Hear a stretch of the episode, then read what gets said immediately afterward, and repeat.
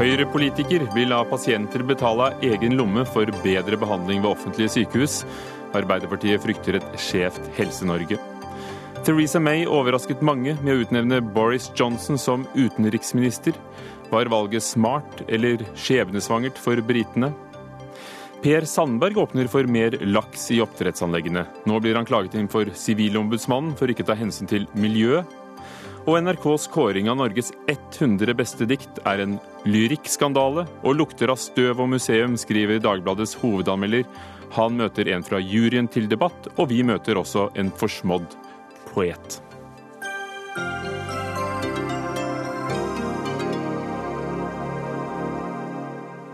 Politikk og poesi i Dagsnytt 18 i NRK2 og P2 i dag. Høyre-politiker Sveinung Stensland vil undersøke mulighetene for at pasienter selv kan få betale for å kjøpe seg en bedre behandling enn de ellers ville fått ved offentlige sykehus. Nå kjemper han for at forslaget kan bli en del av prioriteringsmeldingen som skal behandles av Stortinget til høsten. Allerede nå blir forslaget møtt med skepsis og motstand i opposisjonen. Sveinung Stensland, stortingsrepresentant for Høyre i helse- og sosialkomiteen. Du går i bresjen for dette forslaget i Klassekampen i dag. Hvorfor skal vi få lov til å betale for å få mer i det offentlige? Er det, er det ikke bra nok som det er? Jo visst er det bra. Eh, jeg har heller ikke gått i bresjen for at det skal bli mer egenbetaling, men jeg går i bresjen for at dette skal bli en del av prioriteringsdebatten. Nemlig at eh, det kan tenkes tilfeller der det kan åpnes for den type egenfinansiering uten at det strider mot prinsippet om likebehandling av pasientene. Det er ikke snakk om en generell ordning der en skal kunne betale seg opp i en sykehusavdeling eller betale for en bedre operasjon, men det kan være enkelttilfeller som f.eks. utstyr som eh, du får én variant betalt av det offentlige, du vil ha et annet, betale et mellomlegg. Eller kanskje en type operasjon som ikke blir dekket av det offentlige, som du kan betale et mellomlegg for å få. F.eks. snorkeoperasjoner i framtida eller andre ting. Eller på øyeoperasjoner at du kan få en annen type linse enn det som er standardbehandling. Hvis du trenger en ny linse i øynene dine.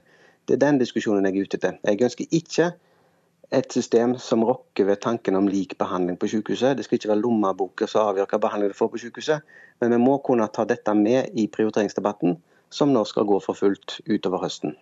For den, eh, det forslaget, prioriteringsmeldingen, kom i juni. Nå skal den ut på høring, og så skal det debatteres i Stortinget. Torgeir Micaelsen fra Arbeiderpartiet i helse- og, sosial, helse og omsorgskomiteen på Stortinget. Hvorfor mener du at dette vil gi oss et dårligere tilbud? Jeg synes eh, Stenslands eh, sjef Bent Høie skriver ganske godt om dette selv i denne meldingen om prioritering. For Der skriver han at eh, dersom pasienter med samme behov, men med ulik betalingsevne, skal kunne tilbys ulik behandling, og da snakker han da om dyre kreftlegemidler, så vil det undergrave denne tanken om en felles likeverdig helsetjeneste, hvor folk får tilgang på behandling basert på det som man har behov for, og ikke det man er villig til eller har evne til å betale for. Og Jeg skal ikke avvise at det kanskje finnes enkelttilstander, eh, enkelttilfeller hvor det er eh, mulig å åpne for dette, men problemet blir jo å definere eh, hvor grensene for hva man skal kunne betale for. og Her tror jeg regjeringen har latt seg inspirere av land ikke så langt fra oss. I disse brexit-tider f.eks. I England er jo det dessverre blitt mulig å betale seg for både det ene og andre. Alt fra enerom på sykehuset til eh, jeg har til og med hørt eksempler der hvor du får se, bli sett til av en mer erfaren lege enn en eh, lege i spesialisering. Så her er det en lang rekke svært krevende og prinsipielle spørsmål som regjeringen nå sier at de inviterer til debatt om. Men hvis ikke Stensland mener noe som helst alvor med dette, så hadde vel heller ikke dette kommet med i prioriteringsmeldingen. Stensland.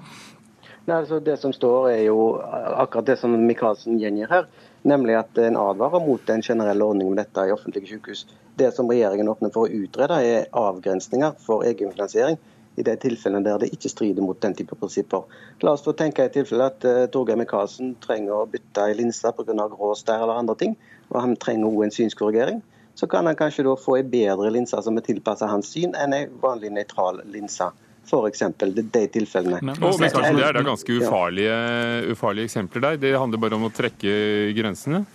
Ja, men, men, men spørsmålet la, meg, la meg fortsette. Det prinsippet i, i, Klassekampen i dag så blir det fremstilt som at dette er et helt nytt prinsipp. Det er det jo da altså ikke. Innenfor legemiddelbehandling så er det visse legemidler du får på blå resept. Hvis ikke du tar det, så må du gjerne betale et mellomlegg. Hvis du velger, eller, du velger originalproduktet for kopiproduktet, så må du betale et mellomlegg. Det finnes to eksempler på f.eks. innen allergihandling, at det er én substans som dekkes. Hvis du vil ha en annen, så må du betale den sjøl. Ja, og dette har jo du greie på, Sveinung Stensland, for du er jo faktisk også apoteker. Men eh, for å, for å høre med Torgeir Micaelsen, dette fins jo allerede når det gjelder legemidler, som vi hører. Når det gjelder tannbehandlingen, så er den jo privat. Da er det opp til hver enkelt hvor, eh, hvilken eh, behandling vi vil unne oss.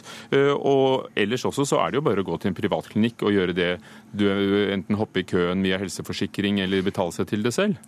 Ja, for noen er det det. Men for svært mange folk i Norge så er ikke det et alternativ. De er helt avhengig av at de offentlige helsetjenestene står i front og tilbyr det som er rimelig ut fra nytte og effekt og alvorlighet, slik eh, regjeringen selv beskriver dette som kriterier. Eh, og eh, Stensland sier at dette ikke er noe nytt. Nei, det er ikke noe, noe nytt i den forstand at på denne blåreseptordningen, men i sykehus er dette et ganske nytt prinsipp. Og Spørsmålet er jo hvis man synes at det er greit at f.eks. da grå stær eller insulinpumper eller andre enklere inngrep er greit. Hva med da tjenester som enerom på sykehus, bedre mat, bedre service, få tilsyn av en overlege som behandler istedenfor en lege som er mindre erfaren, eh, osv. osv. Det er jo ikke noe prinsipiell forskjellstensland på at en stær-operasjon skal utføres mot ekstrabetaling, enn disse andre eksemplene. Hvor skal den grensen gå, Sveinung Stensland? Hva vil du ta til orde for når debatten kommer? Ja, altså Grensa skal gå eh, der som det står i, eh, i, meldingen fra regjeringen. Der blir det nemlig sagt at dette skal ikke være noe som er inne i, i sykehusbehandlingen, men for enkelte, enkelte hjelpemidler, enkelte tekniske ting som opereres inn i kroppen, enkelte sånne ting. Der må grensa gå. Det skal ikke være sånn at det blir lagt inn på en annen avdeling hvis du vil betale alt det ekstra. Det skal vi ikke ha. Men, men, dette her er det allerede fullt men, mulig å kjøpe seg til ved privat nettopp. behandling eller med helseforsikring. Så hvorfor på død og liv ha det inn i det offentlige sykehuset? Sykehusene også. Er ikke dette behovet for tilleggstjenester dekket allerede av det private? Det er nettopp det som har vært mitt poeng tidligere i dag. at eh, hvis det blir sånn at du bare får en A4-behandling, alle skal få den samme helt like behandlingen uansett i offentlige sykehus, det ønsker vi i utgangspunktet. Men hvis det òg gjelder f.eks. tekniske hjelpemidler, så kan det på sikt føre til at du driver folk til å gjerne oppsøke private sykehus. Så det kan òg virke den veien at private sykehus får en fordel, fordi offentlig sykehus, der får du den standarden der på tekniske hjelpemidler. Mens hvis du går privat, så får du noe annet. Eh, igjen så har ikke jeg konkludert. Høyre har ikke konkludert, men regjeringen har skrevet mye bra om dette i meldingen. Og så skal Micaelsen og meg fortsette denne debatten i Stortinget mm. utover høsten. Micaelsen, vil ikke det styrke nettopp offentlige sykehus i forhold til eh, private? For da kan også de tilby hele spekteret? Nei, jeg er ikke enig i det. fordi Jeg mener at vi skal prioritere etter de prinsippene som har stått seg ganske godt i Norge, nemlig at eh, det er alvorlighet, det er eh, hvilken nytte eh, behandlingen har, og hva slags forhold den står til hva det koster eller ressurssituasjonen. Og Det Stensland og regjeringen egentlig åpner for, er jo å undergrave enkelte av disse prinsippene ved å si at hvis du er i stand til å betale noe ekstra, så kan du komme deg rundt noen av disse prinsippene. Der f.eks. da eh, folk med mer alvorlige tilstander må vente noe ekstra eh, fordi det skal skapes rom for å ta f.eks. unna da folk som er villige til å betale. Og jeg mener at eh, det med egenandeler, økte og egenbetaling er et veldig kraftig våpen i en prioriteringsdiskusjon. Det er ikke noe tvil om, om at det kunne bidratt til å styrt ressursene også i sykehus og i helsetjenesten i Norge. Men det har vi altså valgt å ikke gjøre. I stedet har vi valgt å bruke en slags eh, rekkefølgebestemmelse, der de mest alvorlig alvorlige skadde og syke får hjelp umiddelbart. Og så har man ulike graderinger etter det, basert på medisinske prinsipper. Det bør vi hegne om i Norge. Stensland, vil det bli en endring på det? Nei, Det er jo en del eh, ledende helseøkonomer som har tatt til orde for å kanskje gjøre noe med, med, mer egenbetaling, nettopp som en måte å prioritere på. Eh, jeg vil ikke ta til orde for sterkt økte egenandeler i helsetjenesten, men det kan jo finnes inngrep som i dag er marginale med tanke på medisinsk effekt, som kanskje det offentlige kan fortsette å gjøre hvis det blir en høyere egenandel. Det er igjen en, er igjen en del av diskusjonen. Dette skal diskuteres nettopp på Stortinget til høsten. Sveinung Stensland fra Høyre og Torgeir Micaelsen fra Arbeiderpartiet. Dagsnytt 18 alle hverdager kl 18.00 på NRK P2 og NRK2.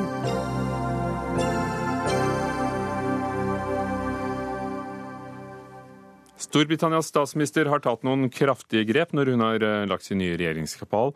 Theresa May har utnevnt brexit-generalen Boris Johnson, han med lyse luggen, til utenriksminister. Finansminister George Osborne får sparken og byttes ut med tidligere utenriksminister Philip Hammond. Og partiveteran David Davies blir brexit-ministeren som alle ventet på, og flere andre er også skiftet ut. Gry Blekastad Almås, eh, vår utenriksmedarbeider på plass i London også i dag foran Downing Street eh, nummer ti. Hvordan er eh, valget av disse menneskene som skal regjere, blitt tatt imot i dag? Nei, Nå har de gått inn og ut her eh, i hele dag. De som nå blir, eh, får støtte fra Theresa May og får nye jobber av henne. Mens eh, mange av de som da har blitt kastet ut av David Camerons regjering, har sluppet å gå gangen opp den lille gatestumpen Downing Street er. De har fått beskjed i parlamentet på morgenen i dag, i hvert fall noen av dem. For det er ett av de grepene Theresa May har gjort. Hun har feid av banen de fleste av de mest lojale støttespillerne til David Cameron, og bygger nå opp sitt, sin egen regjering. Eh, det er ikke så mange kvinner i regjeringen som mange hadde forventet. Det er omtrent den samme kvinneandelen, rundt en tredjedel, eh, som det var i David Camerons eh, regjering også. I tillegg så har hun gjort en del endringer i departementsstrukturene. Mye av det har jo, har jo tvunget seg fram fordi man skal forhandle seg ut av EU, og dermed trenger nye funksjoner funksjoner. Ehm, I tillegg så kan man vel kanskje oppsummere det som har skjedd her i dag med de nye utnevnelsene som er kommet i dag. At eh, selv om Theresa Mays verbalt da, i det hun sier kanskje eh, dreier noe mot venstre politisk, så er de menneskene hun har valgt å ha med seg, en eh, dreining mot høyre innen det konservative partiet. Ja, for I går var det jo mye snakk om talen hennes der hun la vekt på de sosiale forskjellene i Storbritannia, som skal være et land for alle og ikke de få privilegerte. Men eh, Gry Blekastad Almås, det var en stor overraskelse, var det ikke det? Når det gjelder utenriksministerposten? Jo, det var selvfølgelig den største overraskelsen egentlig som har eh, kommet til nå. Fordi han, eh, hans politiske karriere var jo nærmest eh, spådd å ligge i grus etter at han eh, trakk seg som Eller han trakk seg ikke, men han ble jo nærmest eh, stukket i ryggen av sin eh, brexit-kompanjong Michael Gove, som for øvrig er ute av regjeringen nå. da han lanserte sitt kandidatur til ledervervet og, og dermed ikke gjorde plass for Boris Johnson.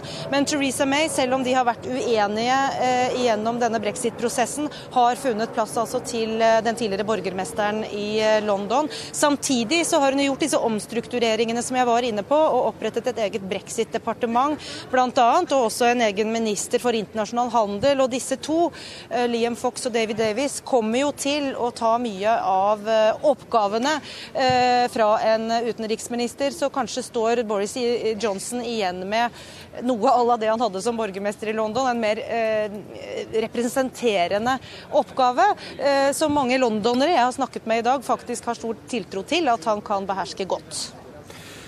Var det smart av henne å få en eh, politisk motstander i utgangspunktet en vi trodde var eh, kandidat til ledervervet, og få ham inn i regjering og, og dermed på plass?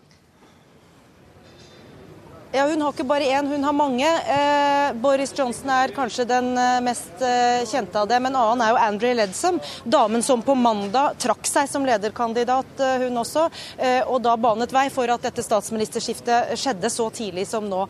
Hun har eh, i dag fått jobben som miljø- og matminister, og hun skal da passe på subsidiene til landbruket og fiskekvotene når Storbritannia nå går ut av EU. Her kommer det det eh, flere. Ingen jeg drar kjensel på dette her. Eh, det er også små, mindre poster som skal tildeles i dag. Statssekretærer, eh, ledere av Underhuset osv. Så, videre. så det er ikke alle som, som skal sitte i det indre kabinettet til Theresa May. Men ja, jeg var inne på det. Andrea Ledsom også, en annen av Theresa Mays fiender, om du vil, eller rivaler, i hvert fall i lederkampen, har fått plass i hennes regjering. Og det er vel en måte for Theresa May å signalisere at nå skal vi samle det konservative partiet etter det som har vært en veldig splittende og vanskelig folkeavstemning. Og Det er jo også noe hun får kritikk for, bl.a. av lederen i EU-parlamentet, som mener at hun tar mer hensyn til de internpolitiske tingene her enn til eh, Europas framtid. Hvis du Gry, kan stå og holde utkikk for hvem som går inn og ut av nummer ti litt til, og, og, og holde, holde, ut med oss, så spør jeg deg, Kjetil Widsvang, kommentator i Dagens Næringsliv. Er det som Martin Schulz, eh, president i Europaparlamentet, antyder, at dette eh, er, ikke, dette er bare indremedisin hun driver med? Delvis er det det. Det kommer av at hun selv var på ja til EU-siden. Og for å ha legitimitet innad i eget parti, så må hun ha med noen eh, i de sentrale postene som er da EU-motstandere.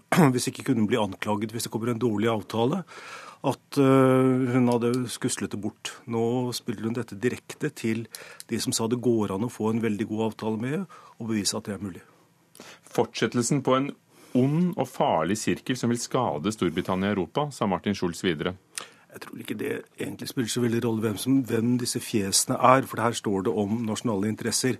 Altså Det brexit-tilhengerne har lovet, er en kombinasjon av full tilgang til det indre europeiske markedet, og at britene selv skal få kontrollere innvandring. Det sier man i EU blankt nei til, og jeg tror ikke det spiller noen rolle hvordan det budskapet fremføres. Dette er et maktspill. Øyvind Brattberg, førstelektor ved Universitetet i Oslo og en kløpper på alt som har med Storbritannia å gjøre. Toryene klarte å unngå en opprivende lederstrid. Labour står midt i den nå.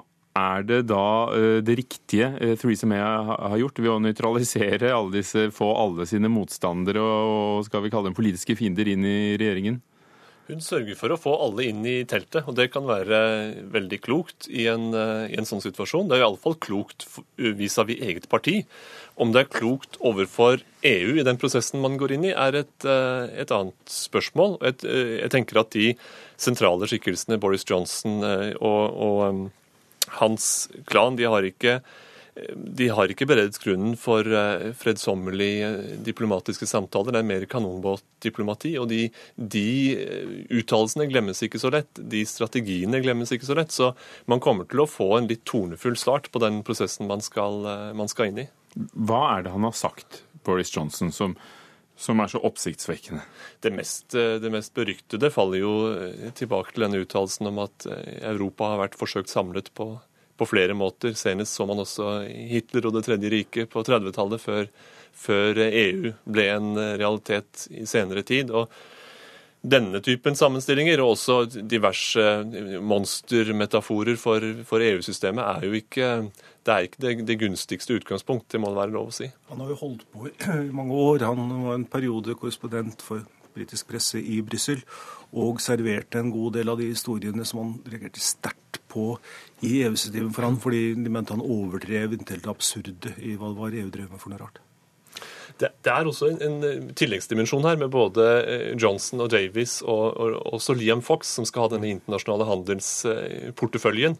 De, de, trekker alle med seg en, en, litt sånn alderdommelig forestilling av det suverene britiske demokratiet. Eh, parlamentet som kilden til, til all makt. Eh, britenes imperiale forhistorie. En del sånne ting som gjør at man, man i møte med europeiske kontinenter løfter litt på øyenbrynene og, og pusser litt støv av, av, bordene. Og Det også er litt, en litt vanskelig eh, hva skal man si, forhandlingsstrategi å starte fra et sånt ståsted. Ja, samtidig som ingen av disse tre er av de mest sånn uh, harde EU-motstanderne. altså Høyrefløyen legger aller mest vekt på innvandring, at det må spille en stor rolle. Disse tre er mer i den ønsker å ha et forhold til EU og legge vekt på at næringslivet fremdeles skal ha gode, gode, forhold i Europa. Og det nok betyr mye for dem. Det er en kjent kommentator i USA, Ann Applebaum, i Washington Post, som skriver at med denne regjeringen så forteller Theresa May oss at Storbritannia har lagt til side alle ambisjoner om å være en vestlig stormakt. Dette er typisk for et lite land med indre problemer. Har hun rett i det? Det begynner å bli en del år siden Storbritannia nedla imperiet eh, og eh, gikk inn i EU som alternativ etter å ha ventet et tiårs tid på at de Gaulle skulle slippe dem inn. Eh, jeg tror nok de har en erkjennelse av at de ikke er den makten de var, men det er klart de er fremdeles relativt sett en militær stormakt i, i Europa. Og de har dette internasjonale nettverket som mange land ikke har. Og så har de et verdensspråk. Men tonen? Er igjen. Tonen fra imperiet, syns du, Øyvind Brattberg. Hvordan kommer det til uttrykk det du kaller denne holdningen fra en stormakt? Den kommer til uttrykk spesielt hos en styrende elite med, med nokså privilegert utdanningsbakgrunn, eh, som, disse, som, gjelder disse karene spesielt, disse godt voksne karene. Eh, det kommer til uttrykk i en, i en ganske så suveren, for ikke å si nedlatende holdning til hva andre europeiske land driver med. Altså at, at det britiske har på et vis en, en, De britiske interessene og de britiske ideene også har en slags overhøyhet i møte med f.eks. mennesker som Europaparlamentets eh, Martin Schulz. De har vel også en følelse av at det økonomiske systemet de står for, er mer dynamisk, har mer vekstkraft enn det litt sånn stivnete, byråkratiske europeiske. Så det, det er en betydelig selvfølelse. Ja, dessuten så er de jo da medlem i Sikkerhetsrådet. Ingen EU-land vil nå være det. Gry Blekastad Almås uh, utenfor Downing Street. Uh, denne David Davis som blir uh, brexit-ministeren, hvem er han?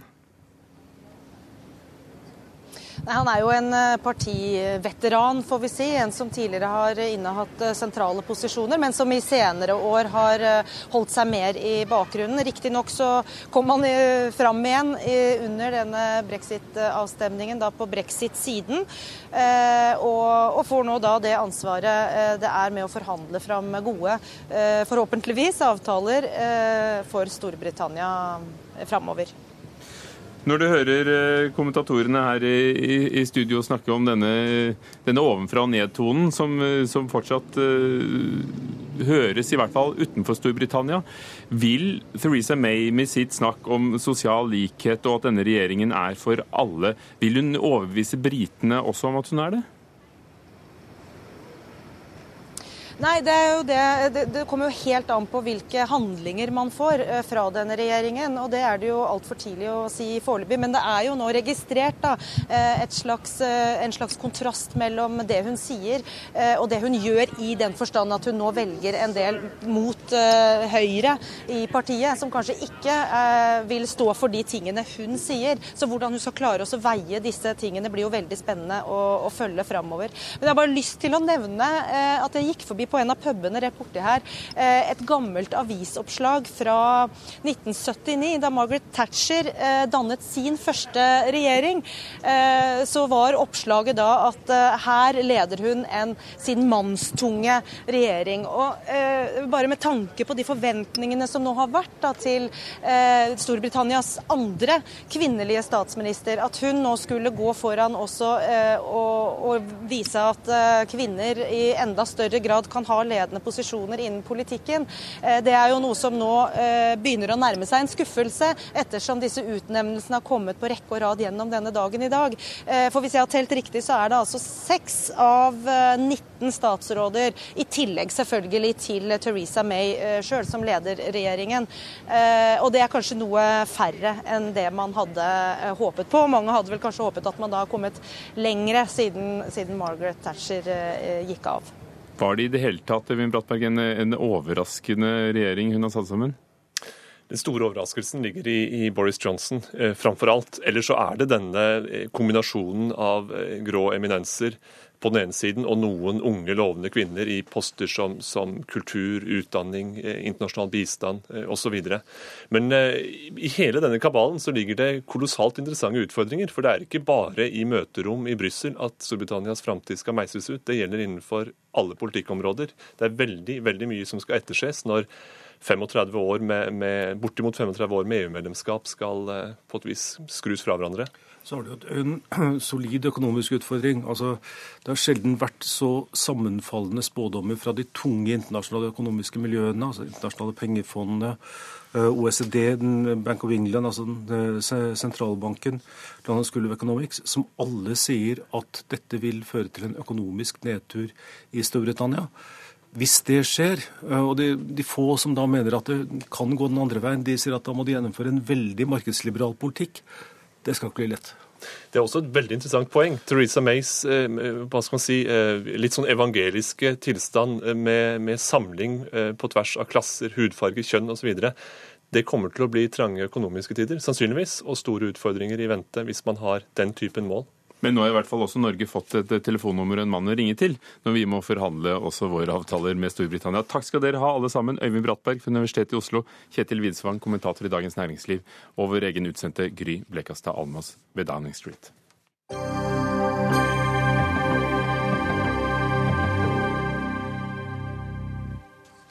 Fiskeriminister Per Sandberg har nylig åpnet for å øke mengden laks i oppdrettsanleggene. Det som da heter eh, maksimalt tillatt biomasse, MTB. Dette for at lakseprisen ikke skal bli så høy, og at forbrukere risikerer å velge andre typer proteiner på middagstallerkenen fremfor laks.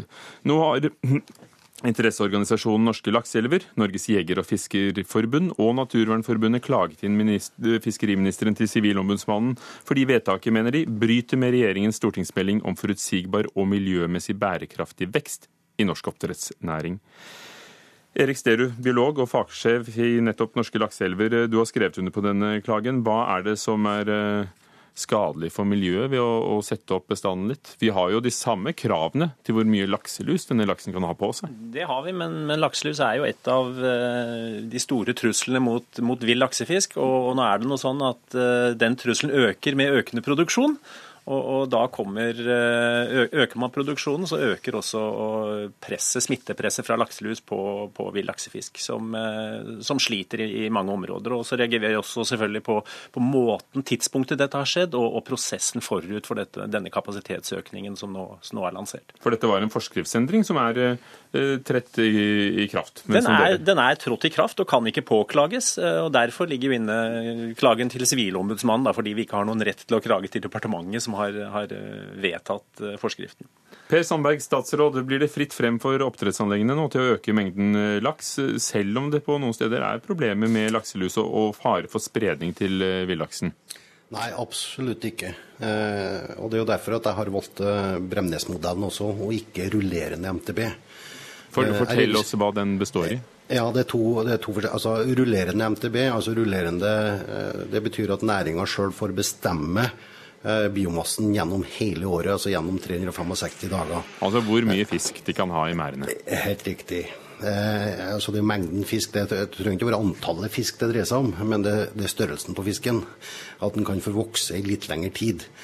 Eh, og Så har jeg da valgt Bremnes-modellen som en mild type, og der at jeg som statsråd kan gå inn gjennom forskrift og bestemme når kan man ha høyere Eh, MTB, når skal det være lav MTB. Eh, og Det er jo det jeg har gjort, og jeg registrerer at den klagen som har kommet fra disse organisasjonene til Sivilombudsmannen, noe som jeg må respektere Jeg skal selvfølgelig bistå med alt jeg kan i forhold til opplysninger til Sivilombudsmannen. Men jeg registrerer at klagen fra disse tre det går på at jeg har innført rullerende MTB. Altså en modell som Aspaker og Stoltenberg forkasta. Det er jo ikke riktig. Jeg har innført eh, Bremnes-modellen, som er noe helt annet. Og da, da, er det sånn at eh, eh, mengde fisk, altså størrelsen på fisken, øker i november-desember. Altså sein, sein høst. Eh, og så slaktes den da i, i januar, februar, mars istedenfor høsten 2016. Og, men, men, men, la oss høre, Per Sandberg, hvis jeg avbryter deg litt der. Erik Sterud, er det ikke da sånn at det er et tidspunkt i året hvor det uansett ikke er så farlig med lus? Fordi det er ikke da den kan ødelegge uh, de små villaksene som svømmer rundt? Det er, det er, korrekt, men han begynner veksten begynner Det er korrekt, altså. Så det er ikke så farlig. la meg si Han begynner veksten i august-september, da temperaturen er høyest og laksen vokser best og lakselusa trives best. Så da vil vi gå inn, da vil vi gå inn i høsten med da vil vi gå inn i høsten med mye lus. Dette vil gi høstutsettet et stort påslag av lus, og vi vil kunne dra med oss luseproblemene ut i neste vår. Du skal straks få ordet, Sandberg, men, men Erik Sterud, en annen ting er jo at Mattilsynet har uansett en kontrollfunksjon. Og, og alle oppdrettere sender inn prøver og, og antall eh, laks hver måned. Så de vil jo slå ned på det hvis det blir for mye for mye lus? Ja, men her er det da mot det Sandberg har lovet. Ikke noe oppdrettsvekst før luseproblemet er løst. Og han sitter med et nytt forvaltningsregime som skal etableres nå om noen få måneder. Der det er vedtatt, og liksom alle har skjønt spillereglene. Da skal man først foreta miljøevalueringen. Så skal man se om det er grunnlag for vekst i noen områder. Men her så plutselig så kommer han med et veksttiltak eh, som gjelder hele landet umiddelbart. Uten denne foregående miljøevalueringen. Sandberg? La meg først få si at, at I dag så har jeg hatt mange henvendelser. Og jeg får omfattende kritikk fra næringa fordi at det ikke blir vekst. Og så får jeg omfattende kritikk fra Naturvernforbundet, Norsk Jeger og Fisk fordi at det blir for mye vekst. Og som jeg litt eh, med glimt i øyet har sagt i dag, at jeg greier ikke å gjøre alle til en glad laks. Men altså, han må i hvert fall være, ha et pre presisjonsnivå som er veldig viktig for å finne fram til fakta. Og da er det altså en realitet at jeg har sagt til næringa at MTB-en mengde fisk skal være på det laveste når smolten villaksen går ut. Og Det er det også Havforskningsinstituttet i sin luserapport påpeker. At det nå er veldig viktig, fordi at luseforslaget lusepåslaget er fortsatt urovekkende.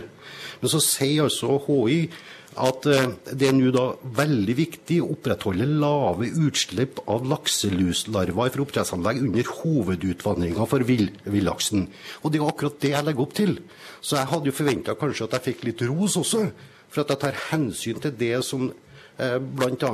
Eh, eh, Norsk Jeger og Fisk og de som er glad i, i lakseelvene våre og Naturvernforbundet har etterlyst faktisk å få ned biomassen i den perioden laksen går ut. Og det gjør han jo altså. La oss høre om det kan bli litt ros, for det, der, det, det høres ut som forbedring når det gjelder nettopp de mest sårbare periodene. Jo, men dette er jo som å, som å gå fra et system der du på en måte avtaler at du skal klippe gressplenen og holde høyden på 6 cm hele året, og så tillater du da i sommerhalvåret så tillater du plutselig å ha høyere gressplen, og så sier du det at nei, men eh, vi skal satse på det er ikke lov å ha mer enn 2 cm i mars. Så dette er jo et tiltak som ikke berører vårsituasjonen situasjon, for da vil oppdrettsanleggene aldri nå den MTB-grensen som man har da, den nye MTB-grensen for, for våren.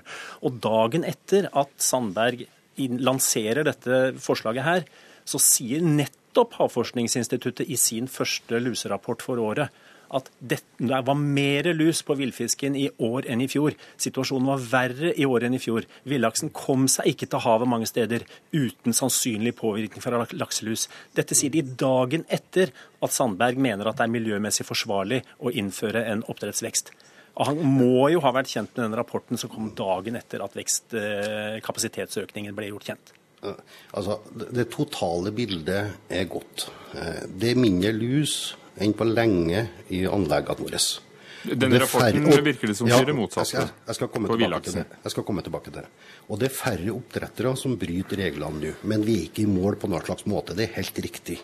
Men jeg har en følelse av at vi er i ferd med å få et eh, paradigmeskifte i forhold til luseproblemet. Men jeg har selvfølgelig som statsråd både lagt HI sin risikovurdering og Mattilsynets årlige lusrapporter til vurdering når jeg har gjort dette. Og da, Så får jeg gjenta igjen, da.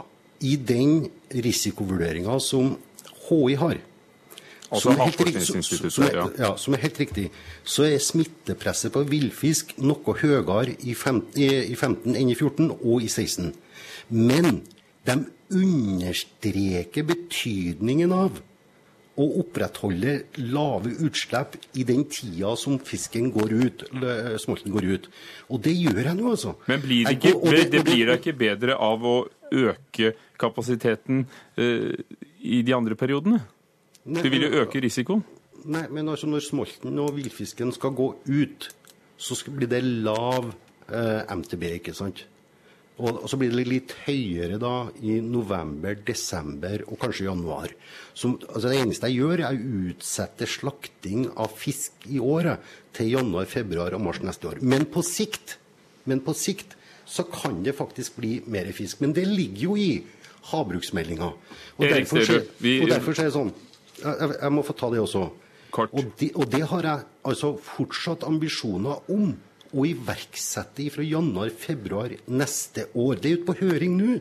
Og det er det jo nettopp lus som blir kriteriet for hvorvidt at man kan vokse eller må trappe ned produksjonen. Og det iverksettes neste år. Hører at du ikke er fornøyd med svaret, Erik Sterud. Ja, jeg er jo ikke det. For, for altså det Sandberg skal ha kred for her, det er jo at han sier at dette er et regnestykke av veksttiltak med lakseprisen som en indikator. Det han har lovet i stortingsmeldingen, og som vi nå skal få i eh, et nytt system, det er at da skal lakseveksten skal være forutsigbar, den skal være bærekraftig. Og det er ikke lakseprisen på markedet som skal være indikatoren, det er lakselusas effekt på villfisk som skal være indikatoren. Men det er også en av våre store industrier, og lakseprisen har gått fra 40-tallet til 90-tallet på et år. Oppdrettsindustrien tjener to milliarder i uka nå, så det er i hvert fall ikke synd på dem.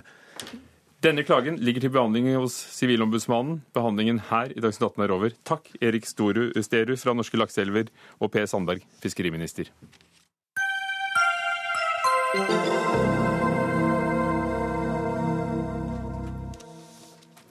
Barne- og likestillingsminister Solveig Horne har gitt klarsignal for å plassere barn i fosterhjem i utlandet. Det skriver Vårt Land.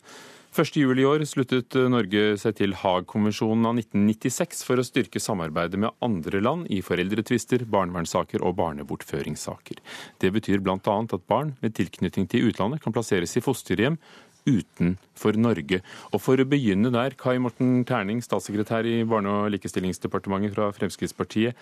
Hvem gjelder det? Hvilke barn er det som kan få et fosterhjem utenfor Norge? Det gjelder barn som har en sterk tilknytning til et annet land.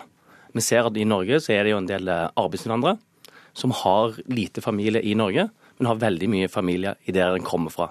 Og De tilfellene der det er i barns beste og der barn har en veldig sterk tilknytning til det hjemlandet, så kan en overføre omsorgen f.eks.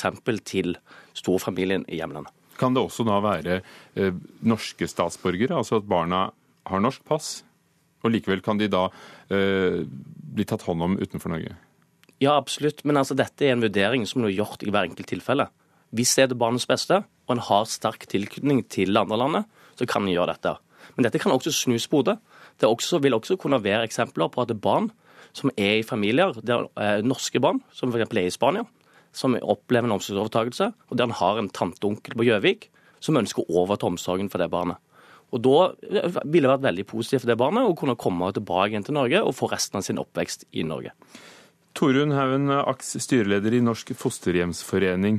Dere mener dette svekker rettssikkerheten til barn i Norge, denne nye muligheten. Hvordan gjør den det?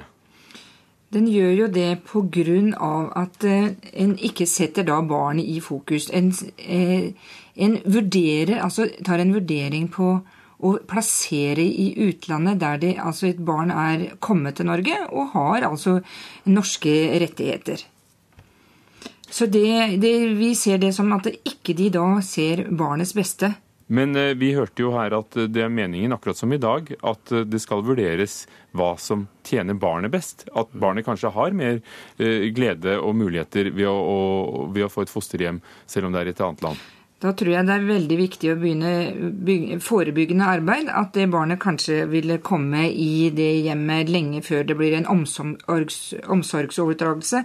Det her er jo en fylkesnemndsak, så det er jo ganske alvorlig inngrep for et barn. Og når de da skal eh, bli, Foreldrene blir fratatt barnet, og en skal se utover i andre land for å se hvor en kan plassere dem, det syns jeg virker veldig tvilsomt. At det er en god ordning for barn. Dette er jo, Kai Morten Terningen, mm. resultatet av denne konvensjonen vi har undertegnet. Mm. Praktiseres det likt i alle land? Hadde dere noe spillerom for hvordan denne kunne implementeres i norsk lov? Som jeg sa tidligere, så vil det være en individuell vurdering i hver enkelt sak. Eh, og det er veldig viktig at barnets beste legges vekt på, at barnet blir hørt. Eh, og at en ser på som, hvilken omsorgssituasjon som vil være best for det enkelte barn. Men, men, barnevernet, altså staten, gjør jo et stort inngrep ved å eh, frata noen ganger foreldre ja, omsorgen for barna. Og er det ikke da et enda større inngrep hvis de overføres til utlandet hvor det ikke er noen kontrollmuligheter? Hvilket samarbeid finnes med barnevernet i andre land? Som jeg sa, så eh, vil det kun være de sakene der han har veldig sterk tilknytning til et annet land. Hvis han har bodd i Norge i 10-15 år, har norske venner gått på norsk skole, så vil det være mindre aktuelt enn f.eks. hvis han er noen par år gammel og kan f.eks. ikke norske språket. Men gir vi fra oss, altså i Norge fra seg kontrollen? Det kan også skje, eller at en da rett og slett finner en fosterfamilie i hjemlandet. Og Det vi jobber veldig godt med i Norge, er at vi har økt andelen fosterfamilier som kommer fra familier nært nettverk. Og Det er et godt stykke arbeid som mange i barnevernet rundt omkring i Norge har gjort. Nå får vi denne muligheten også. Å se på når det er en eh, utenlandsk familie som har sterk tilknytning til et annet land, og se på er, finnes en, for en familie, en polsk familie.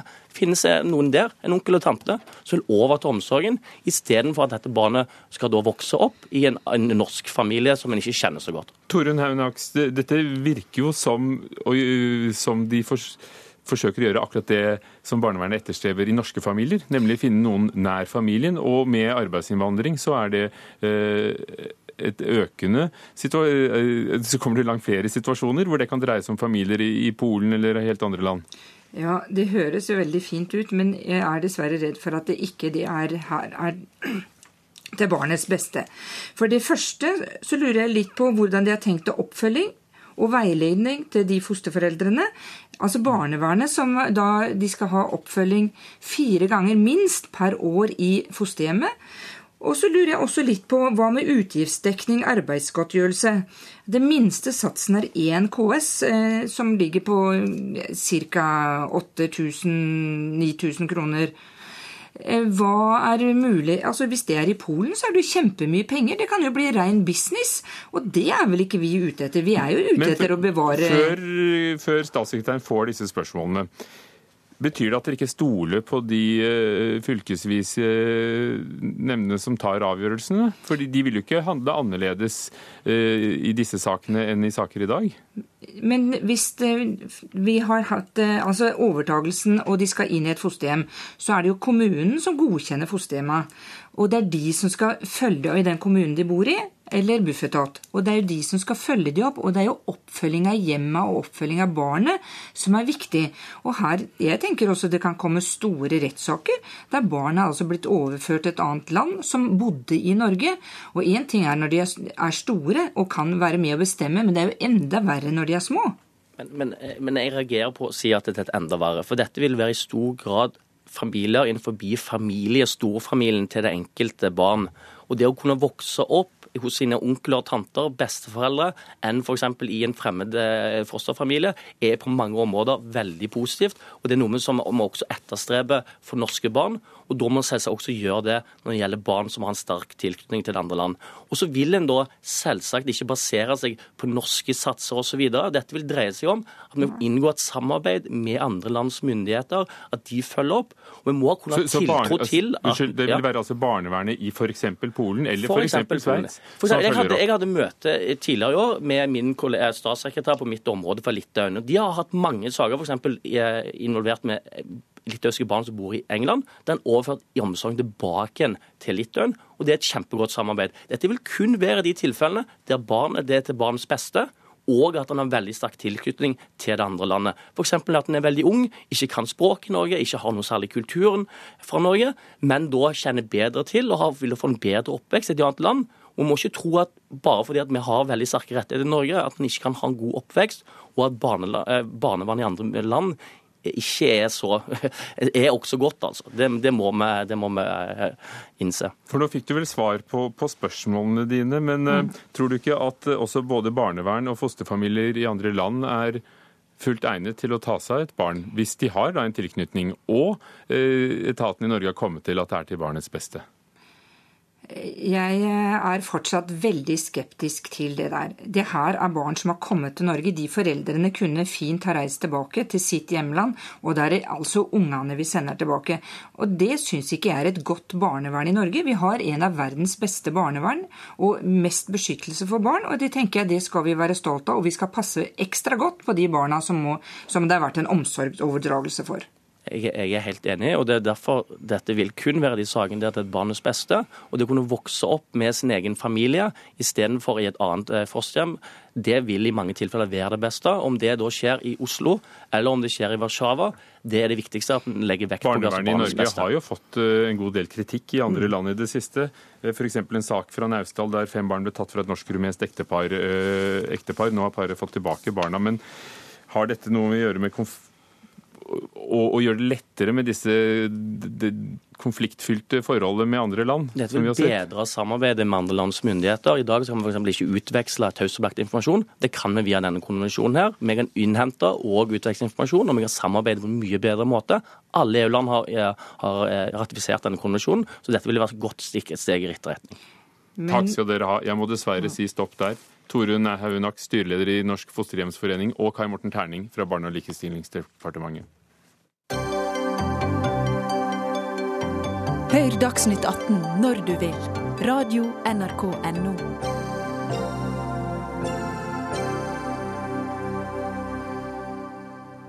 NRK skal kåre Norges 100 beste dikt. Programmene i serien Dikt og forbannet løgn sendes hver lørdag i P2 i sommer. Folk kan stemme selv, og det hele avsluttes med en fem timer lang fjernsynssending i midten av september. Men for Dagbladets kritiker er det hele en absurd avstemning, en lyrikkskandale, som lukter av støv og museum. Fredrik Vandrup, hovedanmelder i Dagbladet. 100 dikt. Du forstår vel at du kan ikke få alle dine favoritter med? Nei, jeg vil ikke ha min, alle mine favoritter med. Det er ikke det det dreier seg om. Det som gjør at dette er absurd, er at uh, man har altså uh, lagd en liste på 100 dikt, og av disse, skal lytterne kåre Norges angivelig beste dikt. Men på denne lista, over 100 dikt, er, mangler en betydelig mengde av uh, de fremste lyrikerne i norsk historie, og de som lever i dag. Det er eh, også slik at mange av de eh, dikterne som har kommet med, de har fått flere dikt inn på lista, slik at eh, det er til sammen bare 57 lyrikere som er med. 41 av disse er døde, 16 lever. Og, og, og det er altså en svært lang liste som jeg har uh, ramset opp. Ja, jeg har den her. Ja. Uh, av de døde Claes Giel, Astrid Tollefsen, André Bjerke, Gunnar Reise Andersen, Erling Kristi, Emil Boysen, Harald Sverdrup, Pål Brekke osv. Herman Wildenvei, André Bjerke. Og av de levende og, og, i din liste, Nålevende, ja. ja. Så er det Kolbein Falkeid, Jon Fosse, Lars Aabye Christensen, Helge Torvund, Einar Røkland. Og man har heller ikke fått med seg Tristan Vindtorn eller Arild Nyquist. Men dette er bare toppen av isfjellet. Og heller ikke, du, heller ikke Jan Jakob Tønseth, som du nevner i, i, din kronikk, forfatter og lyriker. Velkommen, Jan Jakob Tønseth. Takk. Hvordan er det å være i dette selskapet som vi hørte her, av de utelatte fra NRKs diktkåring? Nei, jeg føler, trives ganske godt i det selskapet. altså Kanskje bedre enn, jeg vært, enn om jeg hadde vært med på lista. Så du ser det nærmest som en slags æresbevisning, slik det er blitt? Ja, når jeg ser eh, navnene under ett, og ja, så, så jeg føler meg mer eh, bekvem sammen med Emil Boyson og Gunnar Reis-Andersen og Herman Willen var jo for så vidt. Som et eh, lesende menneske, hva synes du om den eh, listen av de utkårne? Den er eh, litt sær, vil jeg si. At disse som har, står bak lista, at de har i for stor grad dyrket sine kjepphester. At de liksom ikke har skjelet til litteraturhistorien og andre antologier, kjente antologier, for å få med seg eh, ja, disse navnene som vi nevnte. Ja, Trond Haugen, eh, dette ble ganske mye for deg å, å, å svare for. Du er litteraturviter, forskningsbibliotekar ved Nasjonalbiblioteket, har en doktorgrad i, i, i lyrikk og var en av tre Eh, litterater som har eh, gjort det første utvalget. Så kommer det en jury til, og så skal folk stemme på SMS. Men eh, ja, hva sier du? Noen, noen kommer med for flere dikt, og andre er helt utelatt. Ja, altså, det er jo man er jo ikke så naiv når man går med på et sånt prosjekt eller sånn konsept. Dette er jo et NRK-konsept hvor man ønsker å lage radioprogrammer om lyrikk. Vi skulle nominere 20 eh, dikt i fem ulike kategorier. ikke sant? Og vi skulle skjele, lete etter de beste diktene, eller de vi, mente var de beste diktene. Man er ikke så naiv at man tror at det ikke vil skape rabalder, eller at det ikke vil være stor uenighet om det. Eh, men vi er også tre stykker som allerede har kompromissa veldig mye og, og, forsøkt å legge fram en liste med dikt vi mener er veldig gode i de eh, fem ulike kategoriene som uh, ligger til programkonseptet. da. Men når det var bare 100 dikt, og dere gikk jo med på dette her, hvorfor da velge noen om igjen? Slik at det egentlig bare er 57 diktere? Ja, det er et veldig godt spørsmål. Det er, ja, det er du som får svare på det. Det er flere det er, det er jo enkelte diktere som er så gode, og som skriver så gode dikt, at de kanskje uh, fortjener flere dikt. Ta f.eks. en poet som Henrik Wergeland, eller en poet som Sigbjørn Oppsteller, som holder et internasjonalt nivå, altså på det øverste nivået i, i verden, vil jeg påstå. Vandrup i Kristiansand. Jo, men det gjør jo sannelig en del av de list, eh, lyrikerne som ikke er kommet med på denne lista også. Og Det er greit nok at du syns det er moro at det eh, skaper rabalder og debatt, men det, jo, det, kan ikke være så veldig moro når, når, vi avslører at dette her bare er noe tull. At det, at det er et jippo som, eh, som innsnevrer Eh, skal vi si, den norske lyrikkhistorien istedenfor å utvide den og, og, og, forklare folk hva lyrikk er for noe. Lyrikk er jo ikke bare eh, kjærlighetsdikt, opprørsdikt, altså dere har noen kategorier her, ikke sant? Lyrikk er jo språklig nyskapning på tvers av, av slike kategorier, eh, Trond Haugen. Mm. Ja, jeg er helt enig i det òg. Men eh, jeg vil jo anbefale å gå inn på den lista og begynne å kutte vekk de dikta som er på den lista som eh, man mener ikke holder en veldig høy kvalitet. Eh, eh, det at vi er uenige i hvilke dikt som er det, de viktigste og som er de beste, det er ikke noe overraskende. Det handler om smak, det handler om skjønn. Og så kan man diskutere da sammensetninga av den juryen som har gjort eh, utvalget. Og det er klart at det, det er blitt stilt spørsmål ved eh, den, hva si, den forjuryens ekspertise, og det kan man godt gjøre. Men det, sånn, det, var det resultatet vi kom fram til, og vi står for det. Fredrik Vandrup, Det er jo ikke sånn at NRK ikke har andre lyrikkprogrammer. F.eks. Diktafon hver lørdag og mandag har høyst levende og aktuelle lyrikere. Og så er det dette som er, skal da samle folk omkring uh, fengende tema som med penn som våpen, hjerte, smerte, uh, natur og menneske, dikt og forbannet løgn. Ja. Ikke sant? Det men det fokuserer det det på dikt, dikt uh, som, uh, som, et slags bruksdikt da, i forhold til uh, å være ulykkelig eller å, å, ville gjøre revolusjon eller, eller hva som helst. Det, det, det, fokuserer ikke på diktet som sådan. Og jeg vet at det er allerede flere som har reagert på at diktene er kommet inn i disse kategoriene. Datteren til Tor Ulven skriver på NRKs nettsider at hun vil trekke diktet fra, fra hjerte-smerte-kategorien. Og jeg ser også at Øyvind Berg og Terje Dragseth har eh, reagert veldig på hvilke kategorier diktene deres er, satt inn i. Da. Men uansett, jeg må spørre Trond Haugen, det, var det ingen av dere tre angivelige eksperter som reagerte på at det, en hel haug av disse fantastiske lyrikerne vi har, ikke er med i denne konkurransen? Eh, Fredrik Vanrup, det er sånn at vi satt i din situasjon når vi begynte. Vi satt med den samme lista som du har, med de samme navnene og, eh, og, diskuterte og prøvde å lete i de forfatterskapene. Ja. Så det er ikke sånn at de ikke er en del av den lesninga vi har gjort. Eh, eh, poenget er at vi har prøvd å presentere en liste som er så god som mulig, som vi har fått til, med tre ulike perspektiver, tre ulike preferanser i den innledende juryen. Ja. Jan Jakob Tønseth, siden vi har en lyriker her. Reagerer du på at det blir brukt, som Vandrup sier, som bruksdikt, eller er det en fin ting at uh, dikt uansett uh, blir spredd? Nei, Jeg er enig med Vandrup at det bærer et visst preg av eh, at det er leilighetsdikt. Altså dikt skrevet uh, i anledning etter alt. Men er det en god ting at dikt kanskje når nye mennesker tar nye former da, i, i, den måten det presenteres på? Jeg syns det er eh, galt å ta utgangspunkt i den lista der. Altså for eh, de kan jo tro at dette er liksom Dette er kremen. De som faller utenfor, er, er, holder ikke mål. Men eh, vi får håpe det at jeg først leser eh, disse diktene, at det, det liksom ansporer til å lese bredere, og, og, at man fordyper seg i forfatterskap som ikke nødvendigvis er med her, da. Som, eh, som er mine favoritter. Hva er et godt dikt, Trond Haugen? Eh, et godt dikt altså jeg, jeg, må bare raskt skyte inn at jeg er helt uenig i at den, de her kategoriene gjør det her til en form for uh, jakt på bruksdikt. De kategoriene er en måte for programmet å sortere i fem ulike radioprogrammer. og det, det, kan man diskutere til man blir grønn og blå.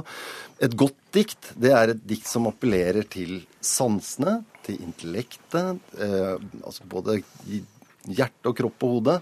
det er et dikt som gjør noe Eh, få andre har gjort tidligere på det tidspunktet diktet skri eh, skrives, som eksperimenterer med språk og eksperimenterer med eh, hvordan vi eh, konsiperer og beskriver verden. Ja, Hvis det er eh, dikt som skal appellere til sansene og intellektet, da spør jeg hvorfor i all verden er et dikt av Emil Boyson som 'Vindu i februar' utelatt? Ja, hvorfor er det det? Det, er, det, kan jeg nok dessverre ikke svare på. For er det ikke sånn Fredrik Vandrup, at det fins altså så mange tusenvis av dikt at en slikt forsøk på å gjøre noe morsomt med lyrikk vil alltid havne i, i dine klør, holdt jeg på å si? Nei, egentlig ikke. Jeg syns det er morsomt med kåringer, jeg syns det er morsomt med lister, men jeg ser jo her at det er en veldig slagside mot noe gammelmodig og sånn, eh, skal vi si, sånn evig i anførselstegn, da, sånn sviskeaktig. Uh, i denne konkurransen som, uh, som, gjør at det hele får, uh, får museumspreg. Det blir, det blir, tjukke lag av støv på dette her. sånn, Og moderne diktning er liksom helt utelatt. Jeg syns det, det, er rart at Cecilie Løvdeid eller Inger Elisabeth Hansen havner i den kategorien, det, men det kan godt hende at det er meg. Det får bli siste ord, fordi uh, vi får høre selv på radioen for lørdag, f.eks. i NRK P2 når det kommer til finalen, uh, om det lukter støv eller ikke. Takk skal dere ha alle sammen. Fredrik Vandrup, hovedanmelder i Dagbladet, Trond Haugen, forskningsbibliotekar og en del av juryen, og Jan Jakob Tønseth, lyriker.